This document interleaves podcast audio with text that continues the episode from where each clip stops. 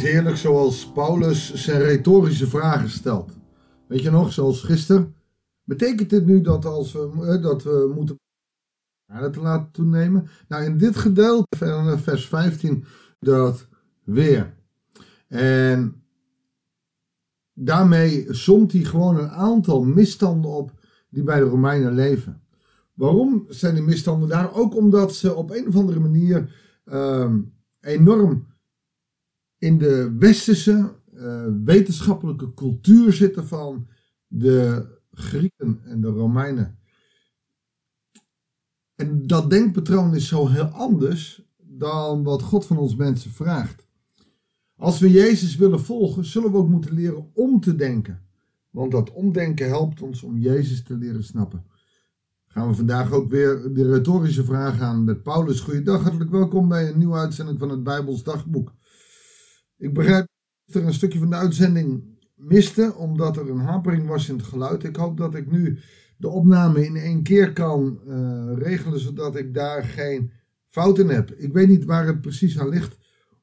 Het kan zijn door instellingen van het programma of niet, ik weet het niet. We gaan hopen dat het uh, goed is en binnenkort komt er een geluidsman bij die misschien meer kan vertellen hoe ik het beter kan doen. Voorlopig doen we het even zo. We lezen vanaf vers 15 uit de brief aan de Romeinen, hoofdstuk 6. Met die retorische vraag: betekent dit nu dat we vrijuit mogen zondigen? We onder de wet staan, maar onder de genade leven. dat is dus de vraag ook die nu al komt. We zijn toch geheiligd door het reinigende bloed van Christus. Ja, maar dat betekent niet dat je mag zondigen. Nee, dat zou je zelf niet moeten willen. Maar daar ligt een probleem. Maar daar gaan we ook tegenkomen. Wanneer u zich als slaaf in iemands dienst stelt, weet u toch dat u hem moet gehoorzamen. Wanneer u de zonde dient, leidt dat tot de dood. Wanneer u God gehoorzaamt, leidt dat tot vrijspraak, tot leven, tot bevrijding. Tot dan, zeker de Joden, die hielden zich strikt aan de wet, of tenminste zeiden dat ze zich strikt aan de wet hielden. Het aardige is, bij opgravingen komen er nog wel eens onreine dieren die ze eigenlijk niet mochten eten, waarin ze toch de resten daarvan zien. En uh, hielden ze zich voornamelijk aan de regels, maar af en toe hielden ze zich er ook weer niet aan. Je kun je afvragen of dat nou zo verschrikkelijk erg is als het principe dan maar. Maar goed, dat is even een andere discussie. Um,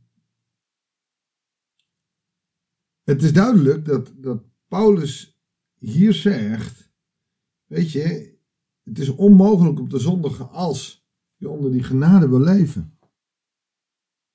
17 uitleggen. U was slaven van de zonde. Oftewel, u hield zich alleen de wet en, en die wet gaat dieper. Door Christus gaat die dieper. Maar God zei, gedankt. Nu gehoorzaamt u van ganse harte de leer waaraan u zich hebt toevertrouwd. En bent u bevrijd van de zonde en bent u onderworpen aan de gerechtigheid. Dat is mooi, maar dan moeten we ons van ganser hart aan de leer van de gerechtigheid houden. En hoeveel mensen kunnen werkelijk waar zeggen, ook al geloven ze in Jezus Christus en zijn opstanding, dat ze zich constant aan die leer houden? Is het niet zo dat we allemaal onze zwakke momenten hebben en dan toch in verval komen en dan toch ons overgeven aan de wetteloosheid? Dat we iemand een sukkel noemen. En Jezus zegt in Matthäus 6, wanneer we iemand zo noemen, dan zijn we al gedoemd. Dan zijn we zondig. Dan zullen we naar de Gehenna gaan. Je ziet dus, bij Jezus is het er niet makkelijker op geworden. Alleen de zinloze wetjes, als je mag op zondag maar zoveel stappen lopen, die zijn weggehaald. Maar hoe te leven, dat is nog steeds zaak van de wet. Alleen wel verdiept door Christus. Zelfs de bescherming van de vrouw.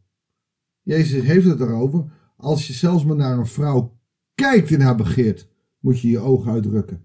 Nou, in die tijd was dat raar, want je kon een vrouw begeren, je kon je eigen vrouw gewoon wegdouwen en je kon er een vrouw bij nemen. Dat was in die tijd heel normaal.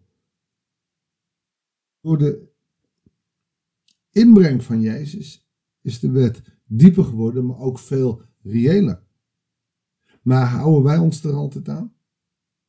Laatst kwam ik op een plek en vroeg ik, ik weet niet of ik dat onlangs nog gezegd heb, sorry als ik in herhaling val, waarin ik vroeg, nou, stel nou dat je een dropje steelt van de pot van je moeder waarvan ze gezegd heeft dat je dat niet mag doen.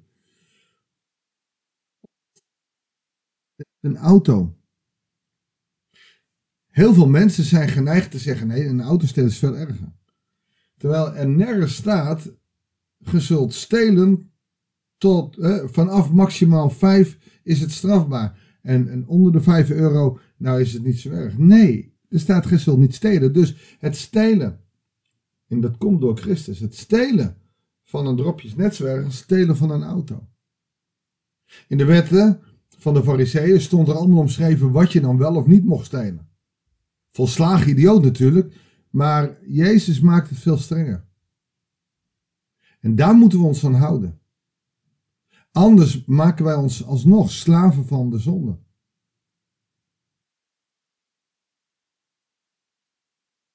Was u niet gebonden aan de gerechtigheid? Wat hebt u daarmee geoogst? Dingen waarvoor u zich nu schaamt, want ze leiden tot de dood. Regeltjes die nergens op slaan, ze leiden tot de dood. Maar nu, bevrijd van de zonde en in dienst van God, oogst u een leven in heiligheid en uiteindelijk het eeuwige leven. Het loon van de zonde is de dood, maar de genade die God schenkt is het eeuwige leven in Christus Jezus onze Heer. En dan weer die vraag die ik gisteren ook stelde: wie wil nou niet dat je dat, je dat wie wil nou niet zonder zonde leven?